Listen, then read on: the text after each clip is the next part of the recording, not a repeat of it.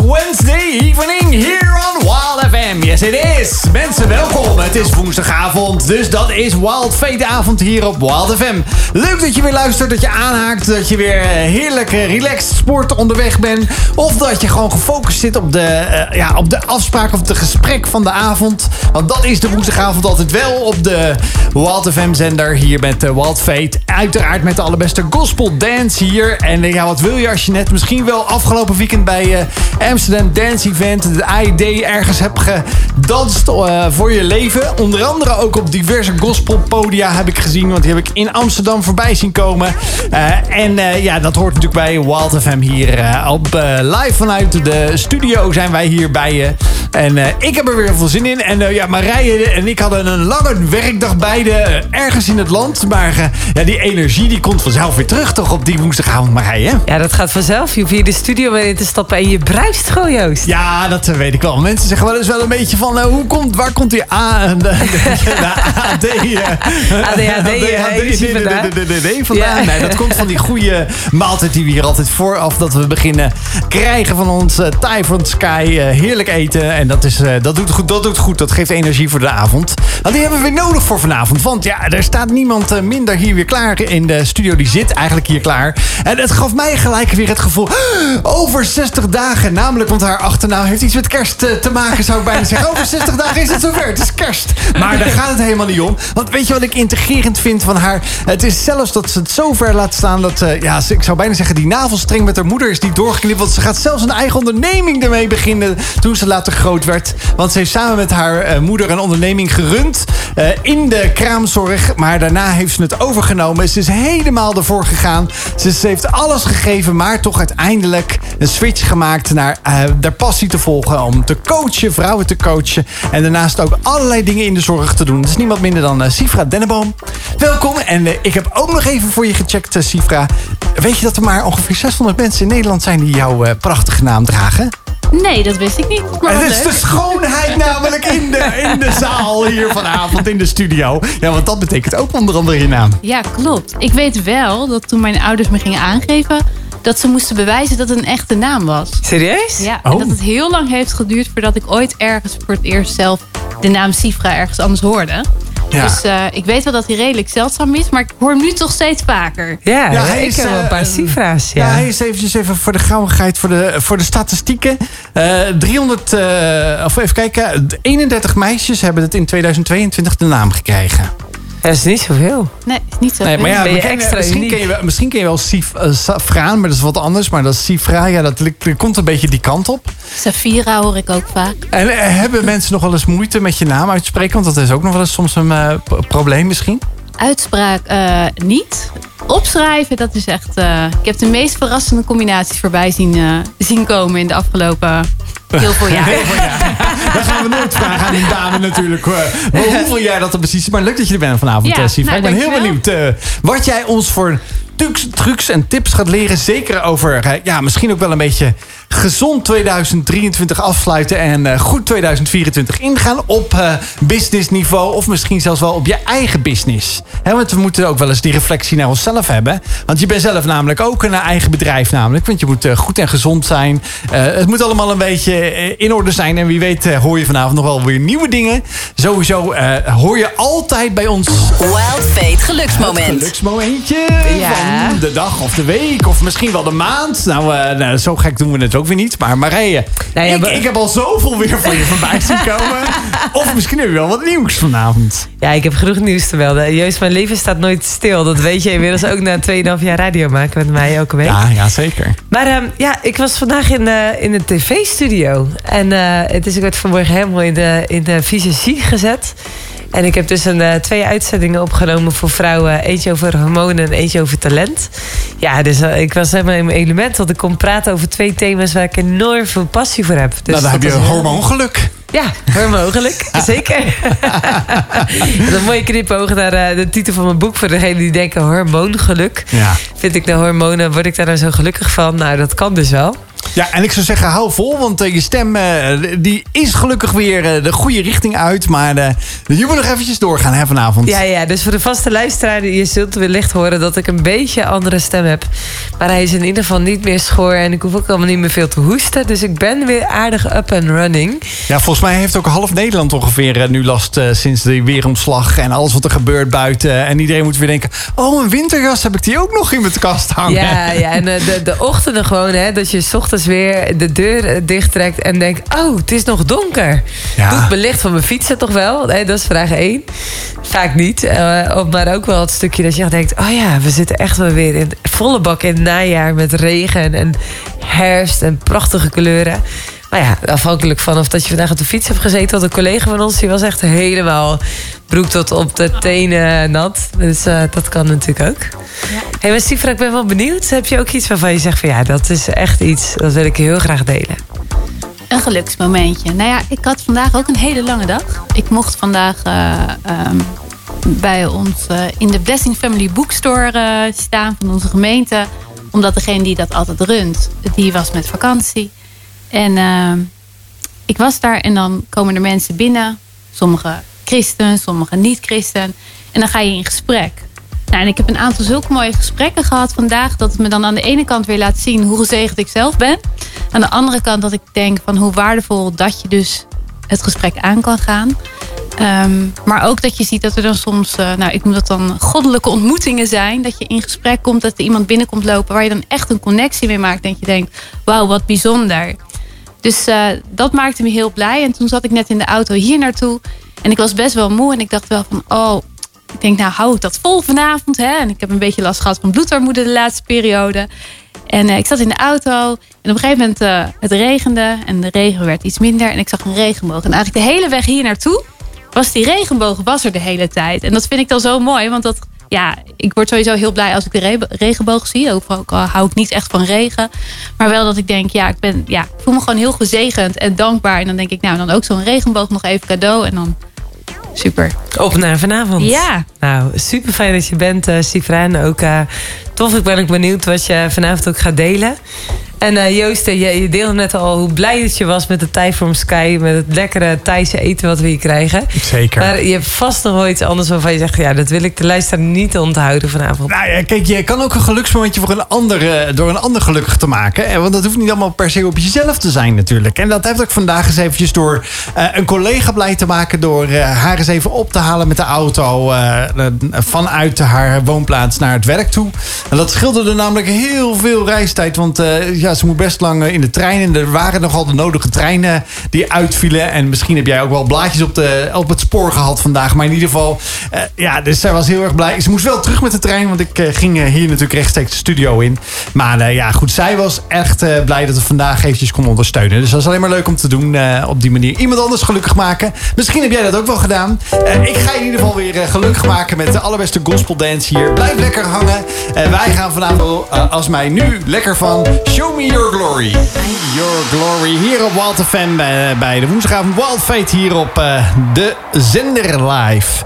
Ja, we hebben de unieke Sifra Denneboom hier in onze uitzending. Ja, ik zeg één van de 600, uh, bijna 600 in ieder geval die geregistreerd staan. En dan denk ik, wauw, ik zat net eventjes tijdens de muziek te denken. Ik ken er drie, dus dat is 0,05% van de Sifra's die ik in Nederland die je ken. En what's in the name? Ja, nogmaals, het is ook gewoon wat je krijgt, hè. En uh, nou ja, ik vond het wel heel erg grappig. Want wat krijg je nou als je geboren wordt? Nou, daarbij heb, daarbij heb je helemaal ingezeten. Voordat je ja, uiteindelijk de, de, de weg in bent gegaan waar je nu in bent, Sifra. Kan je, kan je kort ons vertellen wat je in de zorg, in, in, in de kraamzorg bijna gedaan hebt dan? Ja. Nou ja, ik. Uh, uh, waar moet ik beginnen? Uh, ik werk eigenlijk al twintig jaar in de geboortezorg. En ik noem het dan de geboortezorg, waarvan het grootste deel de kraamzorg is. Maar dat komt ook omdat ik um, buiten de kraamzorgorganisatie die ik had. En uh, ik werk nu ook nog voor een kraamzorgorganisatie. Best wel veel doe in uh, regionale overlegvormen. Dus ik ben bijvoorbeeld ook bestuurder binnen een organisatie. Ik doe heel veel werkgroepen, projectgroepen. En um, ja, dat vind ik heel leuk om te doen. Omdat je daarmee heel erg um, ja, een bijdrage kan leveren aan de verbetering van de zorg. Eh, Is dit ook nu, het tijdmomentum van het jaar? Dat weet ik nu wel. Dat al die zorgverzekeringen gaan hun prijzen bekendmaken voor 2024. Waar je dan ook nog ergens bij betrokken bent. Of waar je dan denkt van...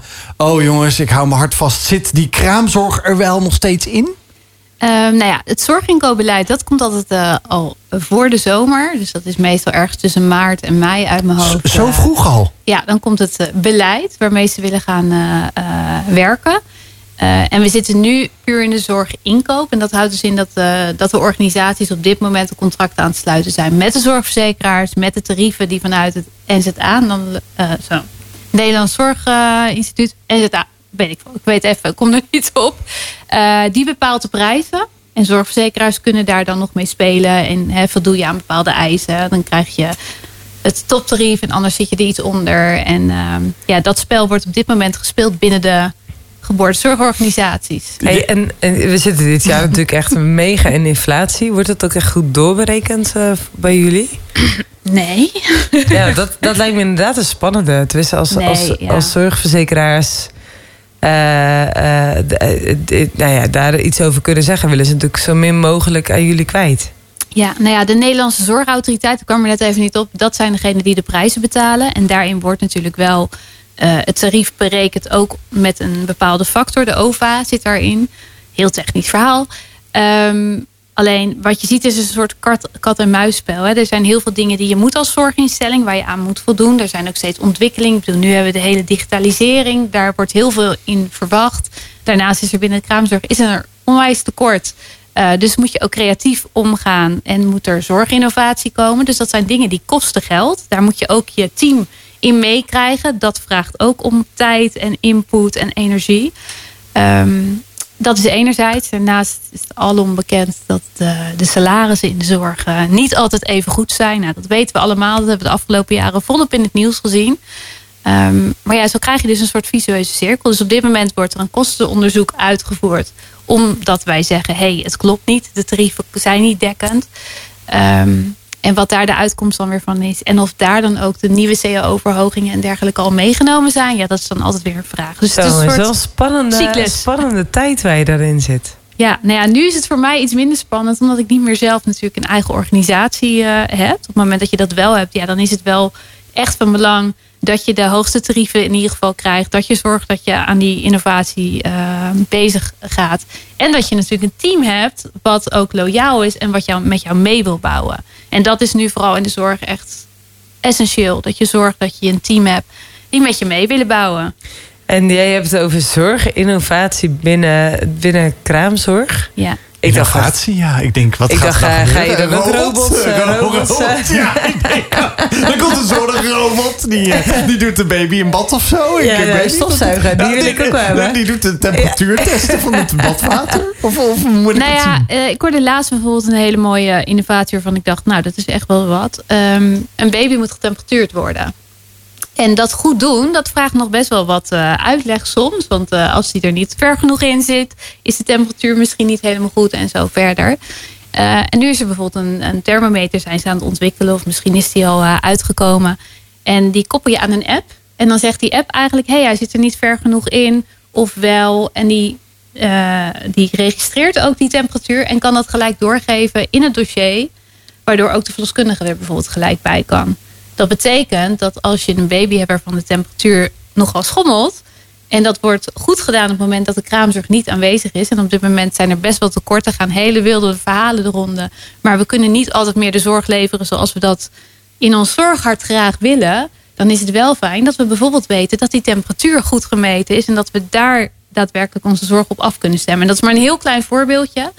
Maar zo zijn er eh, verschillende mogelijkheden om eh, aanvullend op de zorg die we gewoon alleen maar live kunnen leveren, wel te zorgen dat er goede ondersteuning is. En, en heb je nou ook nog wel eens, eh, je hebt het over de zorginnovatie, maar e- even heel praktisch, ja, over de financiën. Heb je nog wel eens een buurman of een buurvrouw die aan je vraagt, zeg, uh, Siegfra, eh, ik moet misschien wel weer wisselen van zorgverzekering. Heb je nog een goede tip voor me of zo? Of kun je nog wat regelen?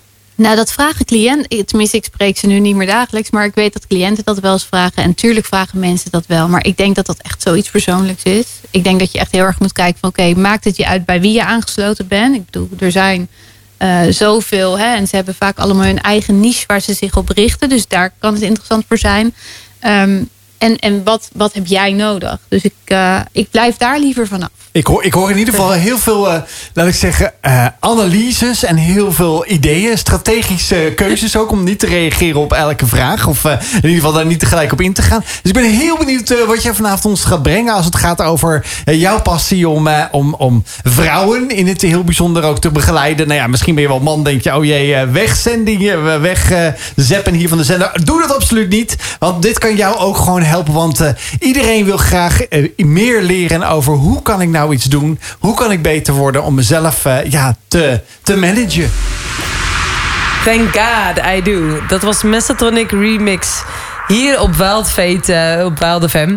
Fijn dat je luistert vanavond. We kijken erg eh, enorm uit ook naar jou, wie jij bent, wat jij bezighoudt. En we zijn vanavond in gesprek met Sifra Denneboom. Eh, ze is een zorgondernemer jarenlang geweest. Eh, heeft een aantal jaren geleden ja, eigenlijk best wel het roer omgegooid. Door te zeggen, ik verkoop mijn zaak. Ik blijf wel betrokken nog eh, voor een tijd. Maar ik ga ook wat, wat nieuws daarin ondernemen. Je- dus er zit hier echt een rasondernemer tegenover ons... die, die meegebouwd heeft, opgebouwd heeft. En vervolgens ook wel weer het, ja, het vizier weer aan het verleggen is. Sifa, kun je ons eens meenemen in, in jouw ondernemersreis daarin? Ehm, nou ja, mijn ondernemersreis. ehm, ik eh, heb tijdens mijn studie, ik heb verpleegkunde gestudeerd.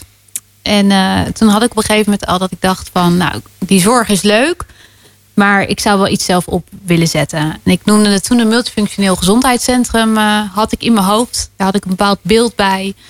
Ook gevormd door de zorgsettingen die ik had gezien tijdens mijn opleiding en ook daarna. Ehm, maar ik was niet. Ik zag mezelf nog niet echt als ondernemer. Kom je uit eh, een ondernemersgezin? Nee, helemaal niet. Oh, nee, oké. nee. Dus dat dat begon te borrelen was wel een beetje nieuw dan of zo? Of... Ja.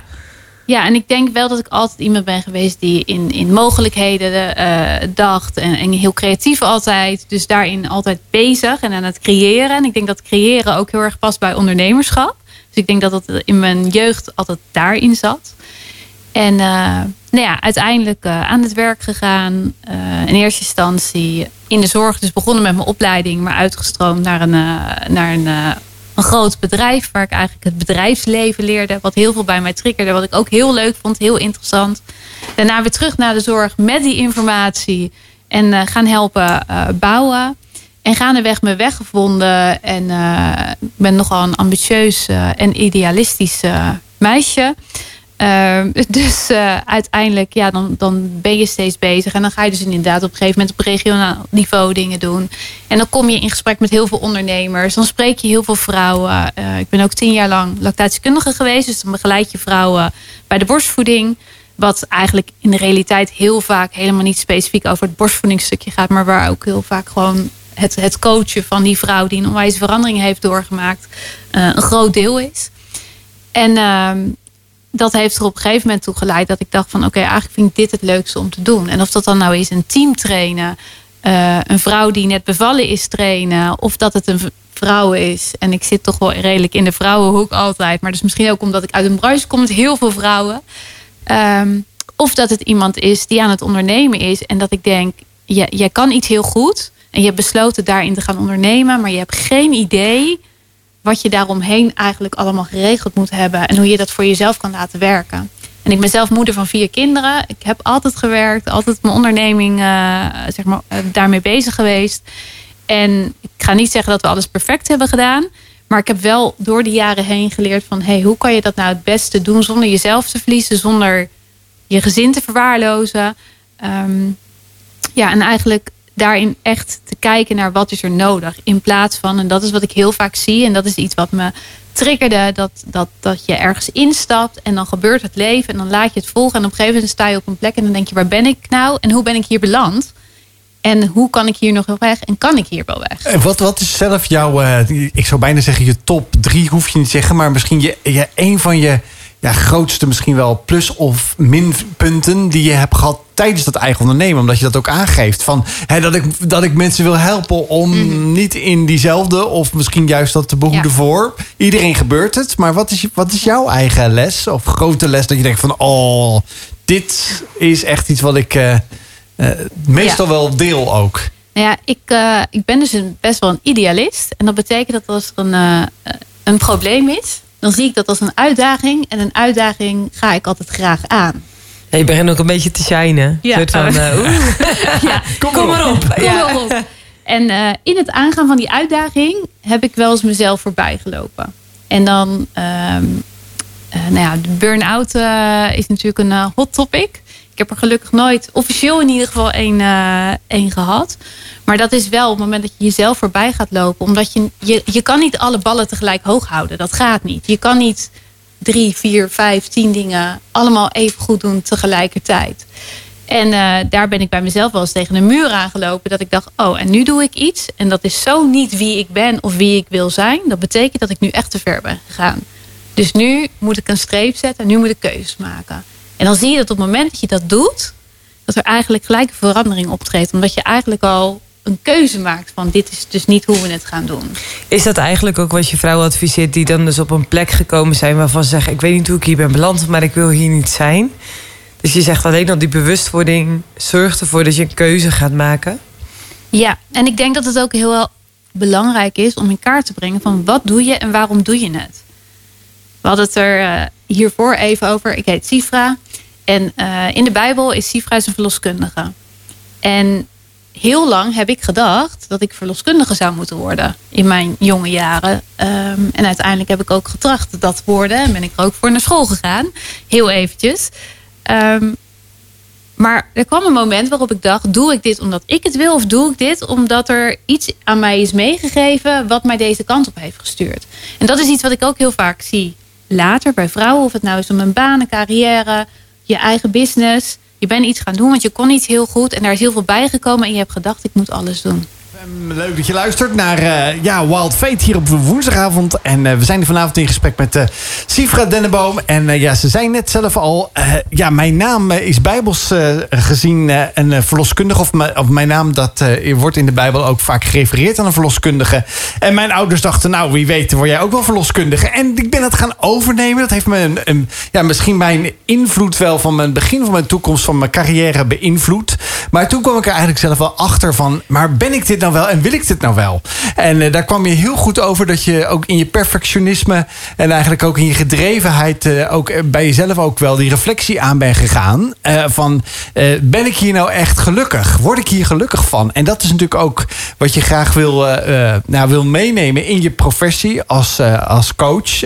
en als begeleiding van, van mensen die, die met dit soort dingen worstelen. Zaken vrouwen in het bijzonder.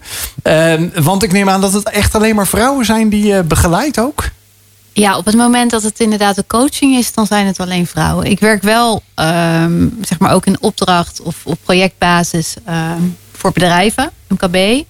En dan, dan, dan maakt het niet uit, zeg maar. Maar op het moment dat het echt coaching is, dan, eh, dan, dan is mijn niche nog steeds wel de, de vrouw. En ja. is, het ook, is het ook heel bewust dat je dat zelf wil? Of is het eigenlijk omdat je dan eh, ja, misschien zelf die toegankelijkheid... eh, of, of zou ik maar zeggen, meer ervaart dan met als je ook mannen zou coachen? ik weet niet hoe erg diep je het antwoord wil. Maar in de basis denk ik dat ik mezelf het, eh, het beste, de beste versie van mezelf kan zijn op het moment dat ik met vrouwen werk. En dat is denk ik ook. Ik heb altijd met vrouwen gewerkt. Wat ik zeg, mijn eigen team waren natuurlijk allemaal vrouwen. In de kraamzorg zijn eigenlijk alleen maar vrouwen. Ehm, de vrouw met wie ik heb gewerkt, zeg maar, de zwangere. Nou, die hebben natuurlijk wel een partner. Maar voornamelijk werkte ik met die vrouwen, ook als het over de borstvoeding ging. En ook in het ondernemerschap is juist dat stuk vrouw zijn. Dus dat, dat element daarin, dat is waar ik echt van geloof dat ik daar iets eh, in mag betekenen. Ik vind het ook heel tof dat je dat al zelf al van jezelf eigenlijk weet. En eh, ook dat heeft misschien ook wel met die ondernemerschap te maken. Maar eigenlijk denk ik dat in de basis bij iedereen toch wel een soort van ondernemer in, in zich heeft. Of zie ik dat verkeerd? Hoe zie jij dat? Ik, ik denk niet dat iedereen, eh, misschien op bepaalde vlakken, wel ondernemerschap. Ik bedoel, hè, om überhaupt iets te kunnen doen, heb je een bepaalde push nodig. Moet je iets najagen. Dus of dat nou is dat je een gezin wil stichten, een opleiding wil doen, een carrière gaat beginnen. Of dat je zegt, ik blijf lekker thuis en ik hou ervan om heel mijn huis tiptop in orde. Ook dan heb je een visie nodig. Hoe wil ik dat mijn huis is? Hoe wil ik dat mijn leven eruit ziet? Dus dat stukje in ondernemerschap, dat heeft iedereen. Alleen daadwerkelijk ondernemer zijn. En daarbinnen heb je natuurlijk ook nog een spectrum. Hè? Als je gaat kijken, ik zei net al, iemand die heel goed is in iets. Dus stel, ik ben een verpleegkundige en ik ben heel goed in wat ik doe. En ik denk, hé, hey, wat ik doe, dat kan ik voor meer geld zelf doen. Dan kan je ervoor kiezen om ZZP'er te worden. Dat is een hele hippe trend waar ik iets van vind. Maar dat maakt helemaal niet uit. Um, maar dan word je ZZP'er, schrijf je in. Maar dat maakt je nog geen ondernemer. Nee, ik wou zeggen, want je kunt wel als ZZP'er ingeschreven staan en een goed uurtarief uh, rekenen. Maar ben je ook ondernemer? Net zoals in tijden van COVID kwamen de ondernemers wel een beetje bovendrijven. Als alles je werk wegvalt door bepaalde maatregelen toen bijvoorbeeld heb je dan de creativiteit om te kijken waar kan ik nog meer in ondernemen. Uh, en is dat veel meer iets zeg maar, van hoe je bent als persoon, hoe je denkt, hoe je kijkt, hoe je kansen uh, ziet ontstaan en aangrijpt. Dan dat je ergens gewoon op een andere manier je geld verdient dan op loonverband. Ja, nee, maar dat is echt een groot verschil. En daarin vind ik nu ook in het speelveld, hè, ondernemerschap is heel hip. Als je kijkt nu de laatste vijf tot tien jaar, hoeveel mensen, man en vrouw, ondernemer worden. Ook vanuit de jonge generatie. Iedereen gaat ondernemen, ondernemen, ondernemer. En iedereen zegt ik ben ondernemer. En dat is ehm, aan de ene kant een hele mooie ontwikkeling kan dat zijn. En tegelijkertijd, ook als ik kijk naar business coaches, daarom vind ik het eigenlijk altijd een heel vervelend woord om mezelf zo te bestempelen. Dan, dan kom ik in gesprek met iemand en dan denk ik, ja, maar jij bent helemaal geen ondernemer. Jij weet één trucje, weet je heel goed. Ja. En ik, ik kan jou eigenlijk niet eens coachen als jij niet echt wil gaan ondernemen. Als jij alleen maar wil weten hoe je je belastingaangifte moet doen en of er nog andere dingen zijn die je echt geregeld moet hebben om te ondernemen, dan hoef ik jou eigenlijk niet te coachen. Dan moet je gewoon een goede adviseur hebben en het geregeld hebben. Maar als jij een talent hebt en jij hebt iets wat je goed kan, of jij hebt een visie voor een bepaalde doelgroep en je wilt dat op gaan zetten en je wilt daarvan gaan kijken van hé, hey, wat kan ik doen? En je ziet dat voor je, ja, dan kunnen we praten. Want dan kunnen we gaan kijken hoe kan je dat realiseren. Ja, dus het is eigenlijk visie gedreven. Net zoals wat jij hebt. Hè? Je zegt, uh, ik wil eigenlijk de wereld een beetje mooier maken. Uh, je bent enorm, uh, hoe noemde je dat nou? Idealist. Idealistisch. Hè? Als je dus zeg maar echt gewoon weet, maar dit, is, dit zie ik al, of dit wil ik heel graag, of dit is ja, een missie, een levensmissie. En help me dan dat ook uh, uit te kunnen rollen. Dat is eigenlijk waarvan je zegt dat soort mensen zijn welkom bij mij. Ja, zeker. Dus ja, en eigenlijk wat ik, wat ik vaak zeg, is het diegene die zegt: Ik wil een verandering teweeg brengen. En dan niet per se in het groot, maar ook voor jezelf. Dus een verandering kan ook zijn: Ik ben al heel lang ZZP'er en ik wil het nu echt neer gaan zetten en ik wil een team aannemen. Maar er, er, er moet iets zijn waarvan jij zegt: Hé, hey, ik ben nu op een plek gekomen en er komt een switch. Maar die verandering kan dus ook zijn: Ik loop helemaal over maar ik hou wel echt van wat ik doe. En hoe kan ik dat anders inrichten? Dus dat, ja, dat kan verschillende kanten op. Ik, ik, vind, ik vind dat jij zelf wel, je praat heel zo zelfverzekerd. En dan uh, zei je net nog eventjes uh, in het vorige, voor de muziek, zei nou ja, ik ben ook moeder, vier kinderen. Dus dat houdt in met mijn partner, een huishouden. Uh, dus ik doe dat allemaal eventjes zo tussen neus en lippen door. Een organisatie leiden waar in hoogtijdagen 25 mensen voor werkten. dan denk ik bij mezelf van wow hallo, hoe hou je het allemaal in balans? En, en dacht je eigenlijk ook van, eh, ik ben eigenlijk zat om te rennen voor een ander. Ik gooi de boel maar overboord en ik uh, ga lekker coachen. Um, nee. Op het moment dat je een ondernemer hebt, uh, onderneming hebt met personeel en heel veel regels en richtlijnen waar je aan moet voldoen, zoals je die in de zorg hebt, dan zijn er zoveel aspecten waar je zelf met je ondernemende geest geen invloed op hebt, omdat ze gewoon vaststaan. Dus daar is geen speelruimte in. En dat uh, de, de uitdaging daarin is om wel het verschil te kunnen maken. Alleen op een gegeven moment heb je geen controle op bepaalde dingen. En ik speelde het spelletje al heel lang. En ik deed het al heel lang. En nou, COVID heeft ook zeker bijgedragen aan het stukje. Um, dat ik op een gegeven moment dacht: ja, niet alles van wat ik doe, word ik heel gelukkig van. En als je ergens niet meer heel erg gelukkig van wordt, vind ik niet dat je alles maar neer moet gooien, moet zeggen, moet gaan.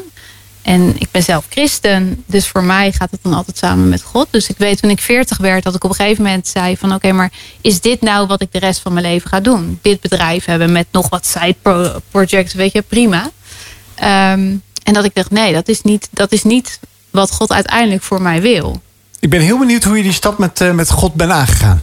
Uh, als de beste gospel dance hoor je altijd op de woensdag en de zondagavond hier op Wild FM. Ja, en dat is natuurlijk gewoon een lekkere beat die uh, op allerlei soorten manieren heerlijk ten gehore wordt gebracht hier op deze zender. We zijn vanavond met Sifra Denneboom in, in gesprek. En ja, we hadden het net voor de ja, voor, voor het nummer eigenlijk over van... ja, wat is nou ondernemerschap? Iedereen heeft het in zich. Ja, in een natuurlijke vorm. Je moet iets doen.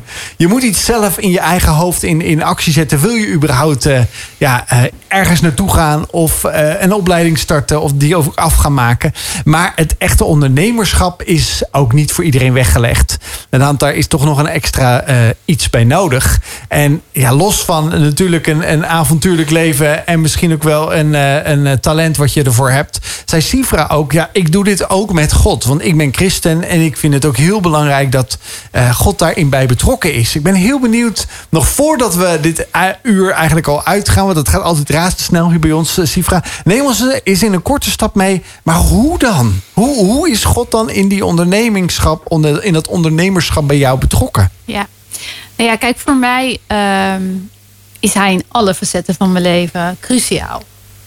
En dat is gewoon simpelweg uh, omdat ik dat door het leven heen heb gemerkt. Van ja, als ik hem niet heb, dan loop ik tegen dingen aan. Dan, dan, dan uh, ga ik dingen uit eigen kracht doen. En eigenlijk werkt dat uiteindelijk niet. Want dan kom je op dat punt dat je jezelf voorbij loopt. En dan heb ik gelukkig een hele lieve man die ook af en toe zegt: hey ho, stop.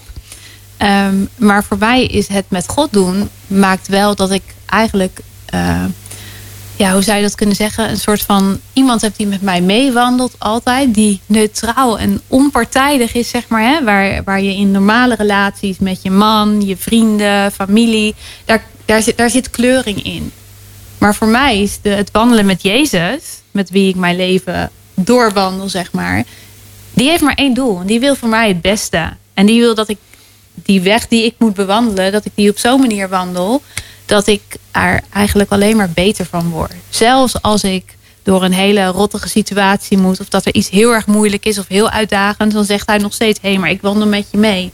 En dat is uiteindelijk, denk ik, wat we als mensen altijd willen: dat we niet alleen zijn. Hé, hey, maar je zegt dan: wandelt Jezus met mij mee? Jezus is God. Hij is. Uh, ja, niet iemand die even uh, naast je, letterlijk naast je hebt lopen. Hoe, hoe, hoe ervaar je dat dan? Dat je zegt, ik loop eigenlijk niet alleen. Eigenlijk is het iets heel dieps in mij wat gewoon weet, ik ben dus nooit alleen. Ik sta er nooit alleen voor. Ja, klopt. En voor mij kan het soms wel echt tastbaar zijn als, als gewoon dat ik echt ervaar van er is iemand bij mij. Dus niet in de, de, de, de gekke zin van, uh, niet in het lijfelijke, maar wel echt dat ik weet, ik ben gewoon echt niet alleen. En dat kan zijn soms in zijn stem echt verstaan. Dat ik gewoon, hè, of je het dan een fluistering of hoor, of dat ik, uh, dat ik iets luister, of dat iemand tot mij spreekt of iets aan mij vertelt, waardoor ik denk van, oh, maar dit is wat ik eigenlijk van de week ook al gelezen heb in de Bijbel. Of dit is wat ik zelf al uh, dacht te horen. En dan wordt het ook weer bevestigd. En als je dat dan koppelt aan het ondernemen. Ik weet voor mezelf, ik zei net al, hè, toen ik 40 was, was een soort kruispunt. Is dit wat ik wil? En dat ik ben gaan bidden. En dat ik zei, oké, heer, als dit is wat, wat, wat, ik, wat ik moet blijven doen, geef dan daar duidelijkheid over. En dat was er niet. En ik wist van, oké, dit gaat niet voor altijd zijn. En eigenlijk, um, ja, op het moment dat ik het zelf probeerde op te lossen. Ik heb op een gegeven moment gezegd: ik ga een manager aannemen. Dan komt er voor mij meer ruimte om de dingen te blijven doen die ik heel leuk vind.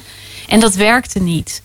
En toen kwam COVID. Toen dacht ik, nou, wat er ook gebeurt, ik ga nooit meer mijn bedrijf kunnen verkopen. In ieder geval niet de eerste komende, weet ik veel hoeveel jaar. Want ja, COVID was voor elke ondernemer uh, vrij pittig. En met een team en met, met mensen die ziek zijn en langdurig ziek zijn, is dat heel uitdagend. En eigenlijk kwam het toen, werd het me gewoon in de schoot geworpen. Dat er iemand kwam die zei van, hey, wil jij niet verkopen? En ik dacht nog, ik ga niet eens in gesprek, want jij gaat het toch niet aan mij... Uh, ik ga toch niet aan jou kunnen verkopen waar ik het voor wil hebben. En uiteindelijk, ja, wat daar gebeurde was gewoon een wonder. En dat kan alleen maar omdat ik niet meer zelf de leiding had, maar omdat hij de leiding had. En dat gearrangeerd heeft voor mij eigenlijk. En dat vind ik het tof op het moment dat je onderneemt met God. Dan gebeuren er dingen die je niet kan verklaren. Waar een ander je voor gek zal verklaren. Of zegt, joh, dit gaat echt niet lukken. Dan lukt iets opeens wel. Nou, dat is een hele coole afsluiting van het eerste uur. dat je zegt, bij God zijn dus dingen die onmogelijk lijken voor jou als mens zijnde mogelijk. En in wat voor situatie jij ook zit, nu ook als luisteraar.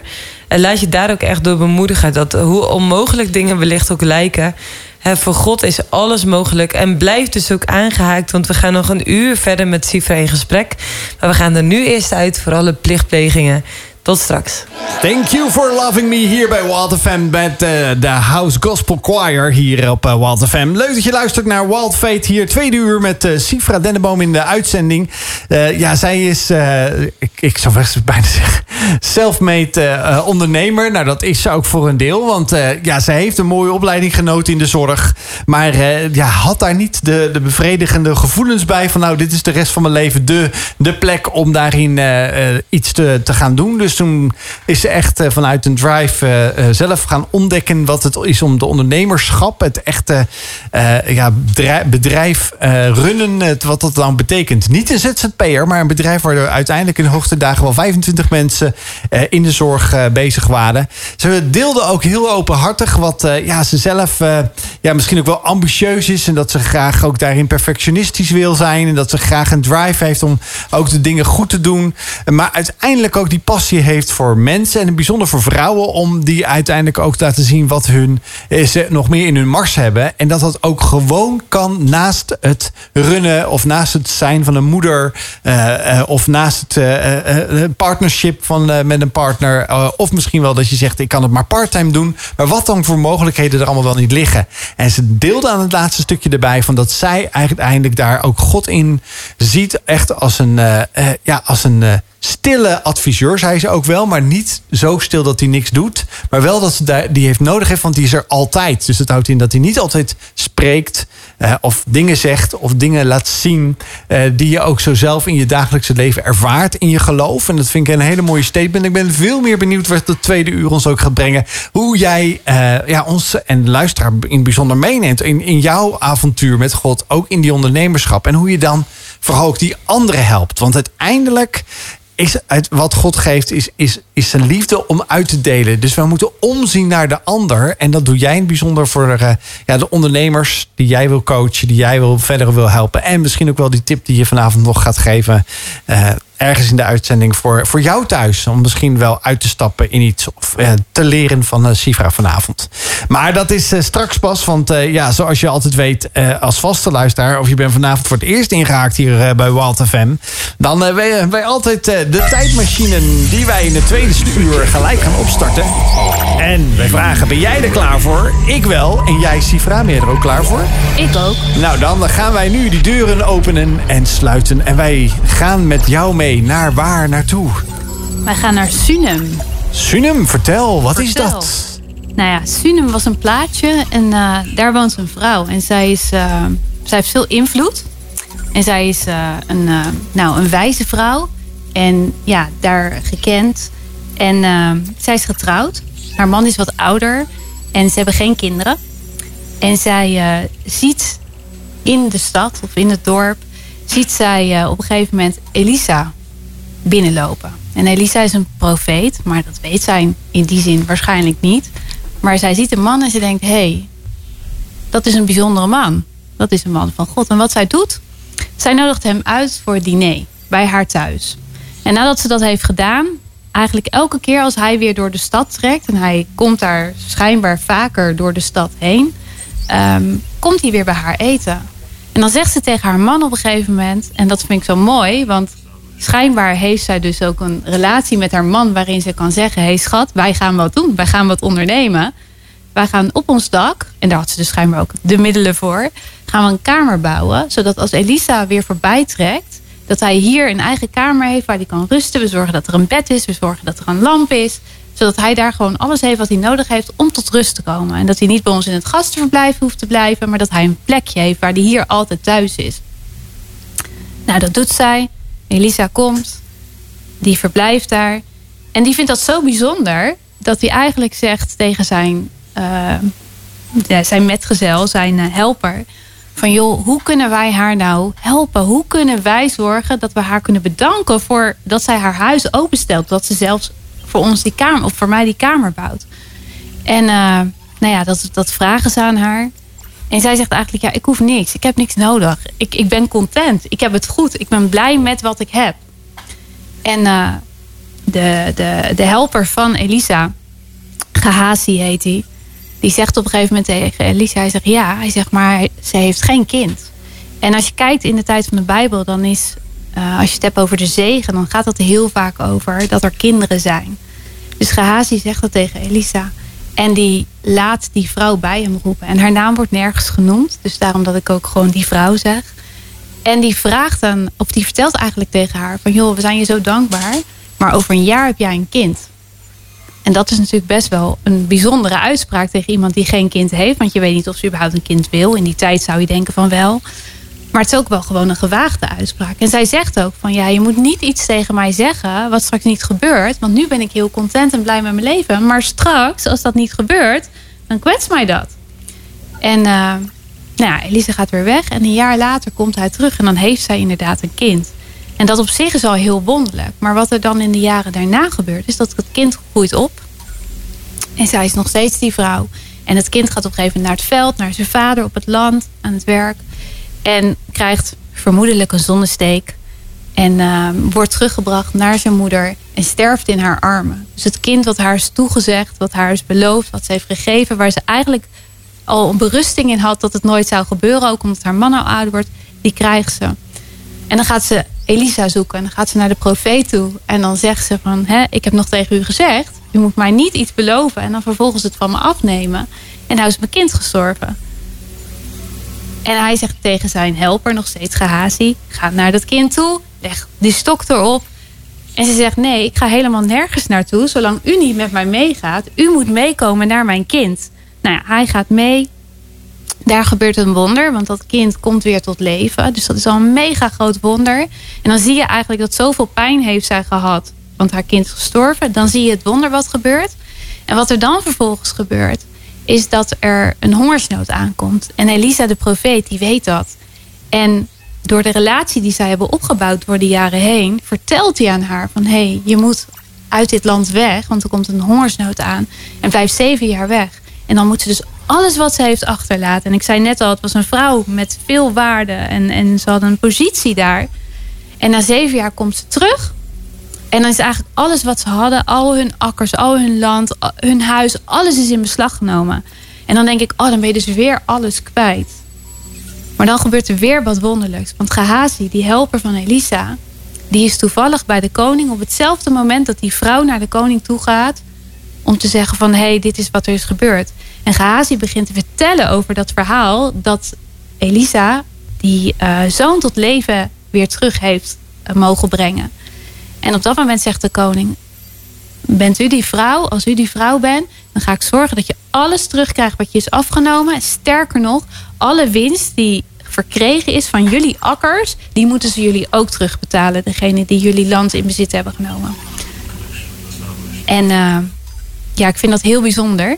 En dat verhaal spreekt me heel veel aan op heel veel uh, verschillende vlakken. Maar ook omdat ik mezelf er soms in herken, zeg maar. Dus uh, dat was het verhaal. This is Living van Hillsong Young and Free. Een heerlijk nummer over het leven. Sifra nam ons net mee uh, ja, terug de tijd in, in het, tijdens ons item, de tijdmachine. En ze nam ons mee naar de Twee Koningen 4. En in Twee Koningen 4 staat ja, onder andere het leven van de profeet Elisa. En je deelt echt wel een heel erg bijzonder verhaal, wat, wat ook verder gaat nog in Twee Koningen 8. Uh, dat is uh, eigenlijk de, ja, de tijd van de eerste koningen van Israël. Uh, eigenlijk alle avonturen die koningen daarin beleefd hebben. En de profeten die toen ook leefden, staan er opgenomen. Maar dit verhaal sprak jou zo aan dat je zei: hey, ik herken mezelf ook zo vaak in dit verhaal. Ja, nou ja, wat mij heel erg aanspreekt is, is eigenlijk al, we hebben het heel vaak over spreuken 31. Of uh, ja, spreuken 31. Hè? Ja, als dat is een loflied van de vrouw. Ja, als we het hebben over de, de ideale vrouw. Maar als ik dan naar deze vrouw kijk, dan denk ik, haar naam wordt niet genoemd. We weten alleen maar, het is die vrouw uit Sunem. In een tijd waarin zichtbaarheid altijd heel belangrijk is en jezelf laten zien. En het liefst elk detail van je leven laten zien. Maar dan denk ik, nee, we weten hier alleen de vrouw uit Sunem. Maar we wisten wel, ze heeft invloed. Ze, ze is daadwerkelijk um, ja, van belang in die stad of in dat dorp. En uh, wat me dan in eerste instantie al aanspreekt, en dat is niet per se iets van ik, maar dat is, dat is iets wat ik graag zou willen hebben. haar lef dat ze die man ziet en dat ze denkt: hé, hey, die heeft iets bijzonders, die ga ik uitnodigen voor de maaltijd. Nou, ben ik niet iemand die zelf heel snel op een vreemde, zeg maar, afstapt. Maar ik hou er wel van om mijn huis open te stellen voor diegenen die dat nodig hebben. En um, nou ja, dan, dan is het in dit geval niet een profeet die toevallig rondtrekt. Maar dan zijn het wel degenen die misschien wel even een veilige plek nodig hebben. Net zoals dat die profeet een plek nodig had, eigenlijk waar die even tot rust kon komen. En waar zij dat kamertje voor bouwde. En dat zij de middelen had om dat te doen. En dat zij, ook al was het iets op haar eigen initiatief. Ik geloof nog steeds dat het God is die haar dat heeft ingefluisterd. Die haar heeft bewogen om te zeggen tegen haar man: hey, schat, we gaan dat kamertje bouwen. Ja. En uh, nou, dus dat, dat vind ik al heel bijzonder. En vooral in, in de context, wat ik vaak zie onder christenvrouwen, waarin het toch nog lastig is van wat mag een vrouw nou wel, wat mag een vrouw nou niet. En dan denk ik, hier is wel een vrouw die ondernemend is. En we weten niet of ze een eigen bedrijf heeft. Of tenminste, we weten dat ze akkers hebben en dat soort dingen. Maar we weten niet wat haar rol daarin is. Maar we weten wel dat ze invloed had. Um, nou, dat is het eerste stukje wat me heel erg aanspreekt. En waarvan ik denk, oh Heer, geef mij zo'n hart. Dat ik zie, dat ik herken, dat ik observeer, dat ik, dat ik weet wie er voorbij komt. En dat ik dat mag onderkennen, wat er in die persoon zit. En dat ik daar dan of mijn tafel of mijn bank of mijn tijd aan mag, mag geven. En een plek mag komen waar teruggekomen mag worden. Zo'n mooie uitnodiging ook die je daarin geeft. En je houdt ja. van uitdagingen. Nou, dit is eigenlijk een uitdaging die je van ons neerlegt van... Hey, kijk eens om je heen, voor wie kun jij je huis openen? Ja, zeker. Ja. En kijk, dat is ook niet echt de tijdsgeest nu, maar kijk verder dan inderdaad wat jij zelf nodig hebt. Want dat is het volgende wat ze doet, wat me zo aanspreekt. Zij wil niks, niks ervoor terug, eigenlijk. En dan vind ik het ook weer zo mooi dat uiteindelijk God daarin ook weer beweegt. En dat ze dan misschien wel een hartsverlangen wat ze nooit heeft uitgesproken, waar ze zich al mee heeft verzoend. En hoe vaak hebben wij niet allemaal dingen die je gewoon begraven hebt? Die ergens in je hart heb je dat verlangen wel. Maar je denkt, ik weet niet of het mogelijk is. Het gaat niet meer gebeuren. Ik kan me niet voorstellen dat. En dan verstop je het. Maar dan toch vindt God een manier om tot jou te komen. En hij doet het ook nog op een manier waardoor alleen hij het kan doen. Want als, als Elisa het niet had uitgesproken, dan, en ze was zwanger geworden, dan was er niet duidelijk dat het God was die dit had gedaan. Maar nu laat hij heel duidelijk zien dat hij het doet, doordat zij trouw is geweest en doordat zij is zoals ze is, omdat hij haar hart ziet. Althans, dat is hoe ik het lees. Ja, nou, ik vind het ook wel bijzonder dat je dit zo deelt. Want, want dat is dan een profeet die tegen haar zegt... Ook al zou zij zich verzoend hebben met het feit dat ze ongewenst kinderloos was... Um, dat ze ook echt tegen hem zeggen... maar zeg dit nou niet zomaar, zeg maar. Het zegt dit niet uh, tegen mij terwijl het niet waar zal zijn. Want ik heb nu geleerd tevreden te zijn. Ik ben echt content met het leven wat ik nu heb. En anders wordt er dus weer een stukje verlangen aangewokkerd waarvan ik eigenlijk al eerder uh, gerouwd heb en afscheid genomen heb. Ja, ja maar een stukje berusting dan eigenlijk. Uh, heb, jij, heb jij jezelf wel eens berust in the op thema's in je leven? Nou ja, ik, ik heb vier kinderen. Volgens mij had ik dat wel al gezegd. Uh, maar toen wij twee kinderen hadden, dan had ik een zoon en een dochter. En ik wilde heel graag een derde kindje. En waar dat bij de eerste twee heel vlot ging, gebeurde er niet zoveel. En nou, dat heeft echt, ja, en dat is dan altijd lastig, want je hebt er al twee, dus dan moet je, hè, dan, dan moet je dankbaar zijn. Dus dan eigenlijk denk je van, ik voelde het heel, ik voelde het zo sterk, maar tegelijkertijd was het van, ja, het mag er eigenlijk niet zijn. En dan moet ik gewoon berusten. En eigenlijk was dat het moment dat ik uh, mijn lactatiekundige opleiding ging doen, omdat ik dacht, oké, dan ga ik in iets nieuws stappen. Ja, ja. En eigenlijk op het moment dat ik het niet meer verwachtte en dat ik dacht, nou, nu gaat het niet meer gebeuren en dat ik een ander pad ging bewandelen, toen raakte ik toch zwanger. En toen kreeg ik er daarna nog eentje, gewoon nog extra erbovenop. Ja. Terwijl ik al dacht van, oh. En dan, dan is dat niet... Uh, dan lijkt dat niet zo heel erg groot. Maar ondertussen is het wel iets waar ik op dat moment echt in moest berusten. Wat ik echt los moest laten. Um, en wat voor mij wel... Ja, wat heel bijzonder was voor mij uiteindelijk. Ja, ik ben ook wel heel benieuwd hoe je dat hebt, los hebt kunnen laten. Roberto Rosso hier op Wild FM. Ja, dat uh, kan je niet anders uh, missen. En als je goed oplet hier, dan weet je dat onze uh, ja, vaste luisteraars weten dat dit een Nederlandse DJ is, Roberto Rosso. Hij heeft al heel veel geproduceerd en er komt nog veel meer aan ook van deze talent, getalenteerde jongeman. Dus leuk dat hij ook hier weer vanavond hoorbaar is geweest. Want we proberen ook de Nederlandse DJ's hier natuurlijk te promoten op Wild Fate hier op Wild FM. Ja, we zijn in gesprek met Sifra. En uh, ja, het was nog best wel eventjes uh, een interessante ja, cliffhanger zou ik bijna zeggen. Van, eh, van het loslaten. Of eh, ja, hoe dan? Hè? Hoe, hoe moet je dat dan doen? Eh, en Marije die zat, helemaal, die zat er helemaal in in het gesprek. Eh, toch Marije? Ja, absoluut. Ja. En eh Sifra die denkt, oké, wat gebeurt hier allemaal? Nee hoor. Eh, Weet je, ik vind het heel gaaf wat Marije ook zegt. Jij hebt iets voor de tijdmachine. En het leuke is, we, we zeiden hier, we hebben al meer dan honderd afleveringen gemaakt hier eh, bij Walter FM.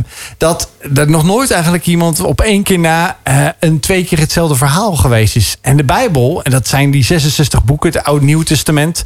En misschien denk je wel van, Bijbel, ja, ik, eh, ik, ik, ik, ik, ken het. Of ik heb er vroeger van gehoord. Of ik heb eh, de kinderbijbel vroeger eh, gelezen. Of mijn ouders hebben hem voor, aan me voorgelezen. Maar ik wil daar weer opnieuw in duiken. Want dit is weer zo'n bijzonder verhaal wat Sifra heeft gedeeld. Eh, ga dan naar eh, bijvoorbeeld de YouVersion app. Dat is een gratis app eh, op Android en, en Apple. Die kan je gratis downloaden. Dan kan je de hele Bijbel lezen. Er staan ook hele leuke leesplannen bij. En je kunt anders over even googlen als je hem fysiek wil hebben. Dus als je denkt, ik wil daar wil doorheen bladeren. Omdat ik ook gewoon ontdekkingstocht wil doen door die Bijbel. Nou, ga dan eventjes naar Google, zoek naar gratis Bijbel. En dan kunnen, kunnen organisaties die er zijn, die dit speciaal als doelstelling hebben, als onderneming hebben om dat te doen voor jou, om die Bijbel je gratis toe te zenden. Dus ga dan eventjes eh, naar Google en zoek naar eh, een gratis Bijbel. En anders de U-version. Download hem in allerlei talen en sowieso in het Nederlands. In heel veel verschillende opties ook. Heel mooi om in ieder geval te ontdekken. Want dat verhaal van Sivra inhield. Maar ook waar nog veel mooiere verhalen. Of meer mooie verhalen in staan. In, eh, over vanuit God. En dat is vanuit zijn hart gesproken. Want het zijn richtlijnen, het zijn verhalen. Het zijn dingen die ook jou hebben geïnspireerd om dit te delen. Ja. Ja, Ja, klopt. toch? Ja, en, zeker. en je zei, je zei zelf al, eh, eh, eigenlijk aan het einde van het eerste uur, van ja, God wil je overal doorheen weven in heel je leven. Ja. En dat merk je zelf al. Mm, Dat komt natuurlijk vanuit ja, een stukje eh, dat, dat God ook echt tot je gesproken heeft, denk ik dan. Want anders weet je ook niet dat hij er is. Klopt.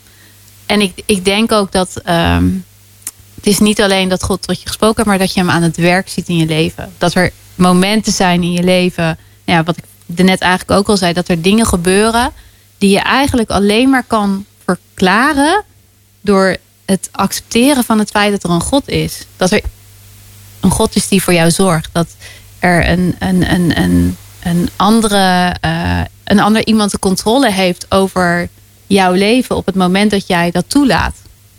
Maar daar zit wel die keuze van jezelf in. Inderdaad, van geef jij die controle? Geef je dat uit de handen?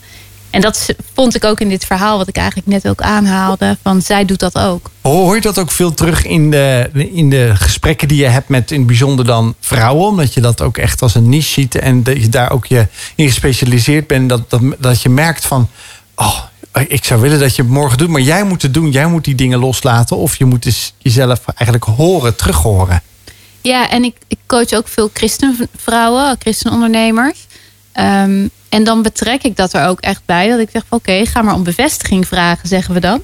Ehm, maar ga er gewoon voor bidden en ga kijken of het klopt. En vooral als iemand nog heel erg zoekend is, bijvoorbeeld in, in, in van oké, dan, dan gaat het soms nog alle kanten op. En we zijn van alles aan het doen. En als ik dan zeg, oké, maar heel even concreet terug naar wat is je missie, wat is je visie, waar wil je naartoe? Wat is nu de richting die jij bepaalt om op te gaan eh, wandelen? Wat zegt God? Hey, en kun je, kun je een concreet voorbeeld noemen eh, eh, dat zo'n thema in jouw leven speelde en hoe je dat dan met God deelt en dan dus daar richting in ontvangt? Want het, het, het klinkt soort van, van eh, ja, dan ga je bidden eh, met iets waarvan je denkt, hey, dat wil ik weten of dat het echt iets is wat ik wil gaan doen. En dan krijg je antwoord, zeg maar. Het klinkt zo fantastisch dat je denkt, eigenlijk voor elk, elk Gooi je er een muntje in en het komt eruit. nou ja, wel, Ja. wel, ik denk dat we, hè, ook als je nu luistert als luisteraar, het zou toch heerlijk zijn dat je soms een soort van briefje uit de hemel krijgt. Zo, zo klinkt het dan een beetje van. eh, je kunt dus altijd een briefje uit de hemel krijgen waarbij je dus weet wat je moet gaan doen of hoe je ergens mee om moet gaan. Ja, en zo is het dan dus weer net niet. Maar uiteindelijk, en, en nou, ja, nogmaals, dat linkt ook weer aan het verhaal. Op het moment dat jij zegt, nou, ik geef de controle uit handen. ehm, dan kan God gaan doen wat er gedaan moet worden. En soms zien wij het niet en snappen we er helemaal niks van, de situatie. En kun je in een situatie terechtkomen waarvan je denkt... nou ja, ik zit hier, dit is zo niet hoe ik het had gepland. Dit is alles wat ik niet had verwacht. En waarom gaat dit zo? Maar op het moment dat ik dan ga bidden, dan ervaar ik een bepaalde rust. En wat ik dan merk is op het moment dat ik inderdaad zelf niet de controle en zelf niet oplossingen ga zoeken, maar gewoon weet van oké, ik heb gedaan wat ik wist dat ik moest doen, wat ook bevestigd is, waar ik voor gebeden heb, waar ik rust bij heb ontvangen. En dan soms zie je pas een jaar later, soms zelfs pas vijf of tien jaar later, dat je denkt, oh daarom is dit gegaan zoals het is gegaan. Maar het is toch dodelijk eng in deze tijd eh, om, om, om dat helemaal zo los te laten? Ja, loslaten betekent niet dat je niets meer doet. Hè. Uiteindelijk blijf je gewoon in beweging zelf. Ehm, maar ik, ik, nou ja, voor mijzelf is het zo dat op het moment dat ik het zelf ga doen. En dus niet, nou ja, wat ik net zei, hè, ik, ik wandel met Jezus door mijn leven heen. De Heilige Geest woont in mij, zeg ik dan. Uh, en ik heb God een vader bij wie ik mag schuilen op het moment dat ik denk, ik weet het niet meer. En voor mij houdt het in dat ik dat soms letterlijk doe. Ik weet, we hebben ooit uh, financieel heel slecht gezeten. En dat ik, ik was op, op mijn kantoor met een personeelslid. En er kwam uh, een, een brief binnen waarvan ik echt dacht: Oh, ik weet niet hoe ik dit ga doen. En ik ben letterlijk naar achter gegaan en ik ben gewoon gaan huilen en gaan bidden. En zeggen: Oké, heer, ik weet het niet. En mijn collega had echt iets van: Wat gebeurt er?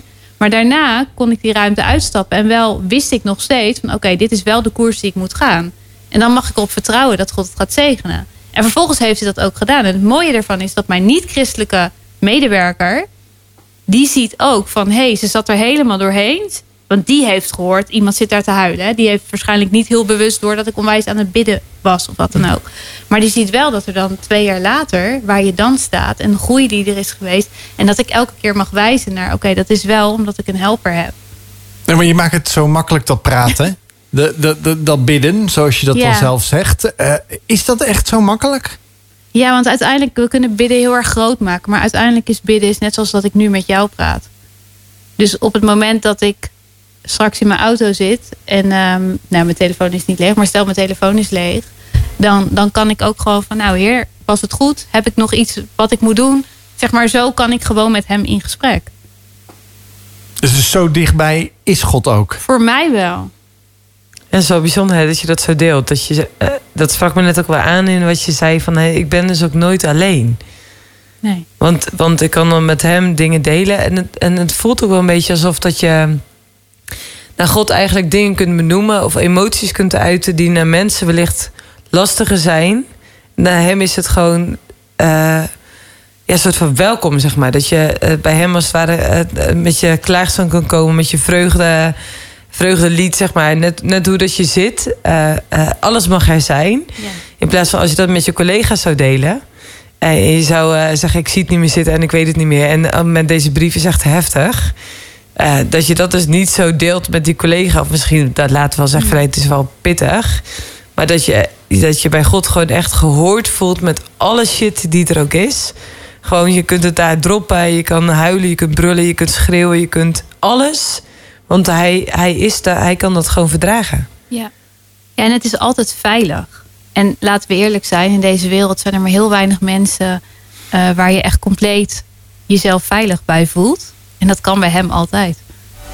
Young and Free met Relentless, ofwel meedogenloos. En ik zou bijna zeggen, het ondernemerschap kan ook meedogenloos zijn. Want als je dan in één keer een brief krijgt, wat voor soort brief dan ook... Eh, waarvan je echt serieus denkt van, ik moet naar achter en ik ga, ik ga het uithuilen. Maar aan de andere kant ook, zie ik daar gelijk de, de, mijn redding... of in ieder geval mijn hulp, mijn, mijn, mijn kracht ook wel God... En daar ga ik gelijk toe bidden. En niet dat er gelijk een briefje uit de, eh, eh, ja, uit de hemel valt. Of een, eh, een appje op je, op je WhatsApp zit. Je, je, contact met, met, met, je contact met God. Maar dat daarna, eh, twee jaar later. Dus het is niet gelijk opgelost. Maar wel twee jaar later de niet-christelijke. Degene die niet gelooft wel ziet. Wauw, er is een ommekeer of er is een daadwerkelijke verandering gekomen. Ja, dan is het ook eh, aan de ene kant meedogenloos. En aan de andere kant wonderlijk. Eh, dat het ondernemerschap zoveel facetten kent, eh, pieken en dalen. Ja. En dan denk ik ook bij mezelf van... Ja, misschien ben jij nu wel, zit je nog wel thuis en, en de, of zit je in de auto of luister je morgen de podcast terug en dan denk je, ja, ik wil ook ondernemerschap. eh, heb ik in me en ik heb dat idee. Maar hoe dan? Hoe moet ik dan beginnen? Nou, daar zit Sifra hier nu vanavond voor aan tafel bij ons bij Wild Fate. Dan, dan sta je daar aan dat beginfase. Jij hebt daar ook verschillende keren gestaan, Sifra. En Ja. dan? En dan? Nou, De allereerst... tip van de, tip van de, tip avond. van de dag. Ik weet niet of ik hem in één zinnetje kan Nee, zeggen. nee, maar neem je tijd er even voor. Ik denk dat het... ehm, even side note. Ik coach en werk vooral met eh, purpose-driven... Engels woord, eh, ondernemers. Dus op het moment dat jij ondernemer wordt... en dat je eigenlijk de, de, de manier zoekt... waar je die gouden pot aan de onderkant van de regenboog kan vinden... dan ben ik niet jouw coach. Dus daar vind ik het even lastig. Want hè, op het moment dat het puur is... eh, eh, Geld maken. geld maken, dan, dan is er een hele andere strategie nodig volgens mij dan eh, de, de strategie waar Is dat ook ik een beetje werk. sowieso de, is dat de, de, de, de- toch het ideaalbeeld van als ik morgen wat begin, dan heb ik over drie maanden toch eh, 20k? Ja, nou 30 liefste, maar eh, Nee, nee, nee, Nee. dat is niet realistisch, mensen. Heel eerlijk gezegd, ja, of dan moet wel een heel gouden ei. Maar daar ben jij niet van. Maar vertel, Nee. jij, jij als, als person-driven. purpose driven. Purpose- Sorry, niet person. Ja. Ja, purpose-driven. Nee, nee, ja, kijk, eh, uiteindelijk op het moment dat jij dus inderdaad een idee hebt en je denkt, goh, dit is echt een goed idee. En je, ja, en het klinkt dan misschien weer een beetje zweverig, maar je weet dat het klopt met jouw gaven en talenten die je hebt gekregen, de dingen die je kan. Als, je, als het klopt met je competenties die je hebt. Want je kan een supergoed idee hebben. Ik kan een heel goed idee hebben wat ze in een ziekenhuis aan een operatietafel zouden kunnen doen. Maar ik ben geen, geen, geen, geen chirurg, dus dat gaat niet goed als ik dat dan ga doen. Ehm, dus als het op die manier klopt en jij bent ook degene die dit kan gaan doen, dan vind ik absoluut eerst dat je echt op moet gaan schrijven. Oké, wat wil ik? Wat kan ik? Eh, hoe kan ik dat bereiken? En wat ben ik bereid ervoor te geven? Want er is best wel een soort van vertekend beeld als je kijkt helemaal op social media. Hé, in twee dagen 10k verdienen. En ik zeg niet dat het niet kan.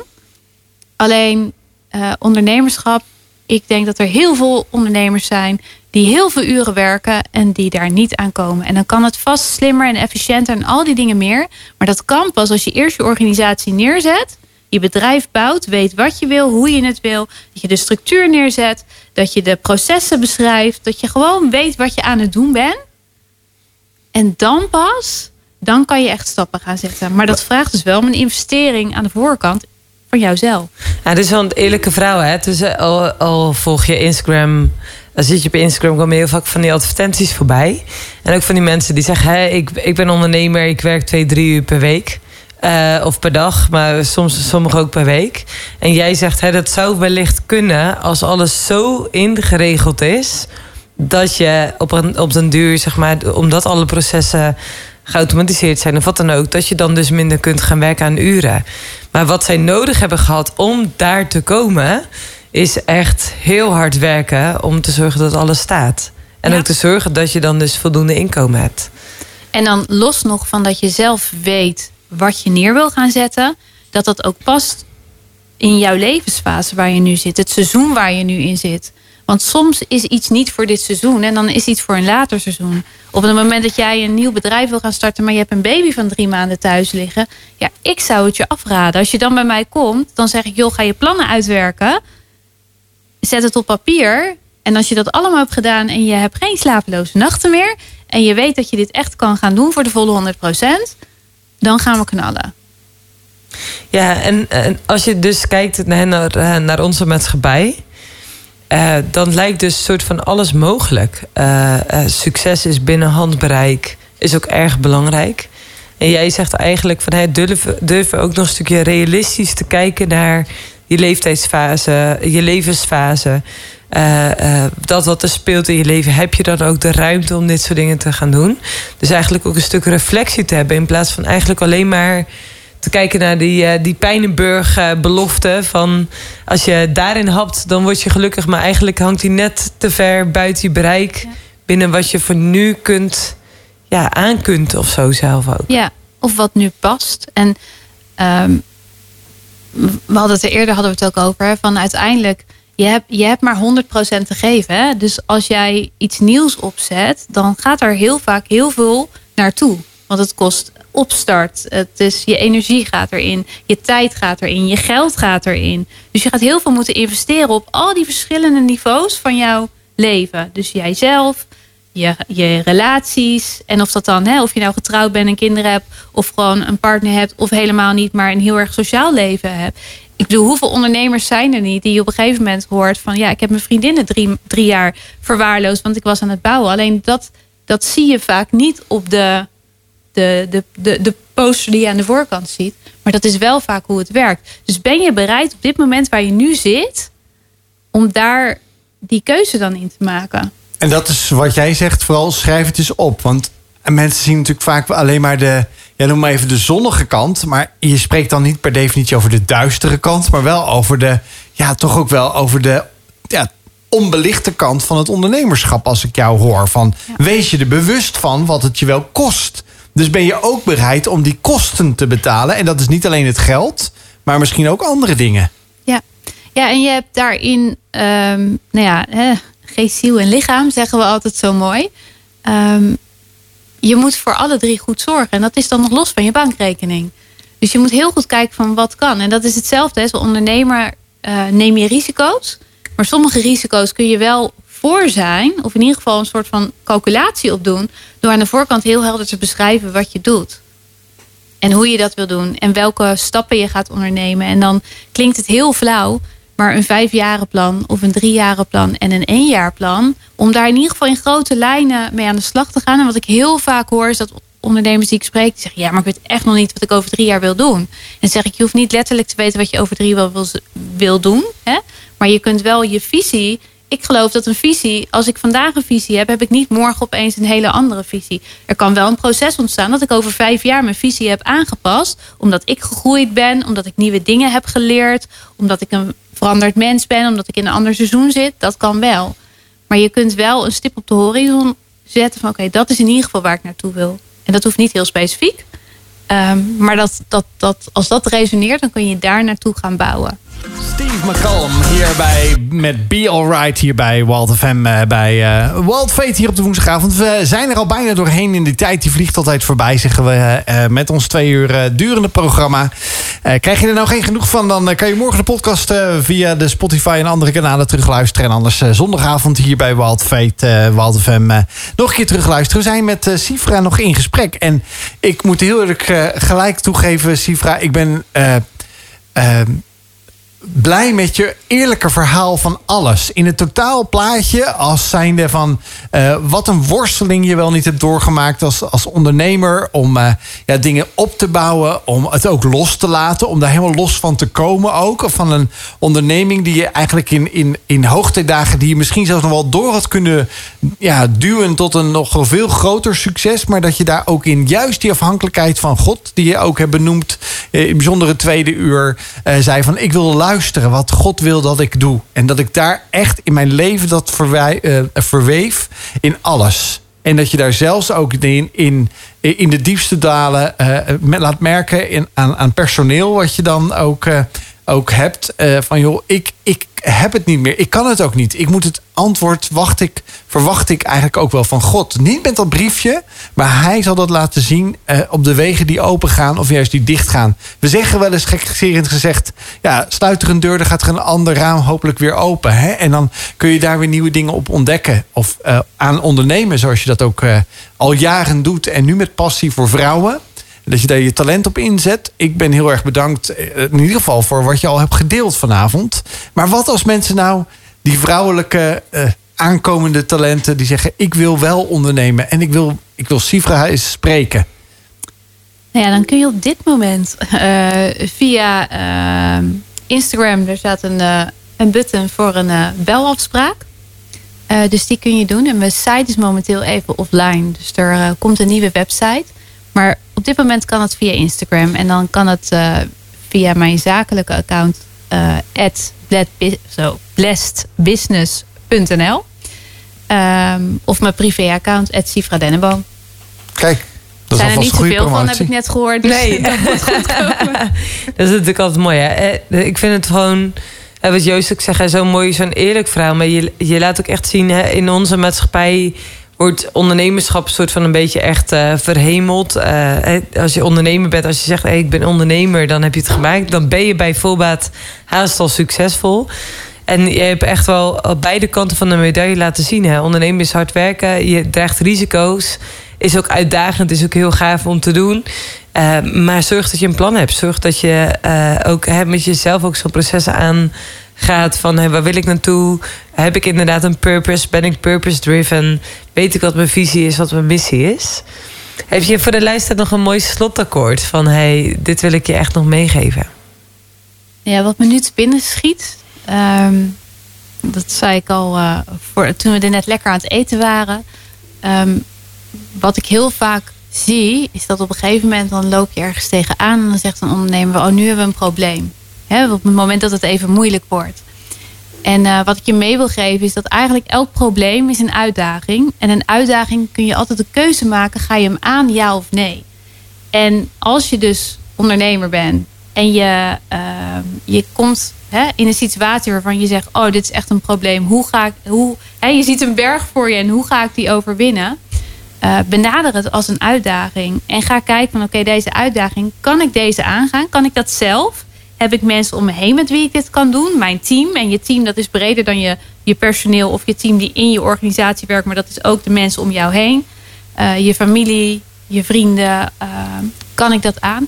En anders vraag eens iemand om mee te kijken. En nou ja, Marije die doet een beetje hetzelfde als ik. Maar dan weer net anders. Die heeft daar ook een heel mooi aanbod voor het kan bij mij en ik weet dat er nog veel meer uh, mensen zijn die hierin kunnen ondersteunen. Maar laat iemand, doe een keer een, een sparringssessie of doe een keer een strategische sessie en ga gewoon kijken van oké, is dit dan? Laat iemand even vers kijken en het uiteenzetten. Wat is de uitdaging waar je voor staat en wat kan je daar nu in doen? En dan zie je vaak dat het helderheid brengt en dat je ook weer nieuwe zin krijgt om weer verder te gaan. Maar soms is het antwoord ook: dit is een uitdaging die ik niet aan moet gaan. En dan is nee of stoppen is ook een antwoord. En die is ook niet zo populair, maar dat is er wel echt eentje. Nou, zo komen we echt aan een heel mooi einde van deze ja, prachtige uitzending weer van Wild hier op Wild FM. Uh, wij gaan er uh, tussenuit. We zijn volgende week weer heerlijk bij je terug. Sifra Deddeboom, enorm bedankt. Zeker een aanrader om jou en te volgen via socials. En uh, die belafspraak te maken als je zegt... hey, ik wil um, jouw input, jouw inspraak ook in mijn onderneming. En dan uh, zien wij elkaar uh, later. Tot volgende week, zeg ik dan, Marije. Ja, zeker. Tot dan.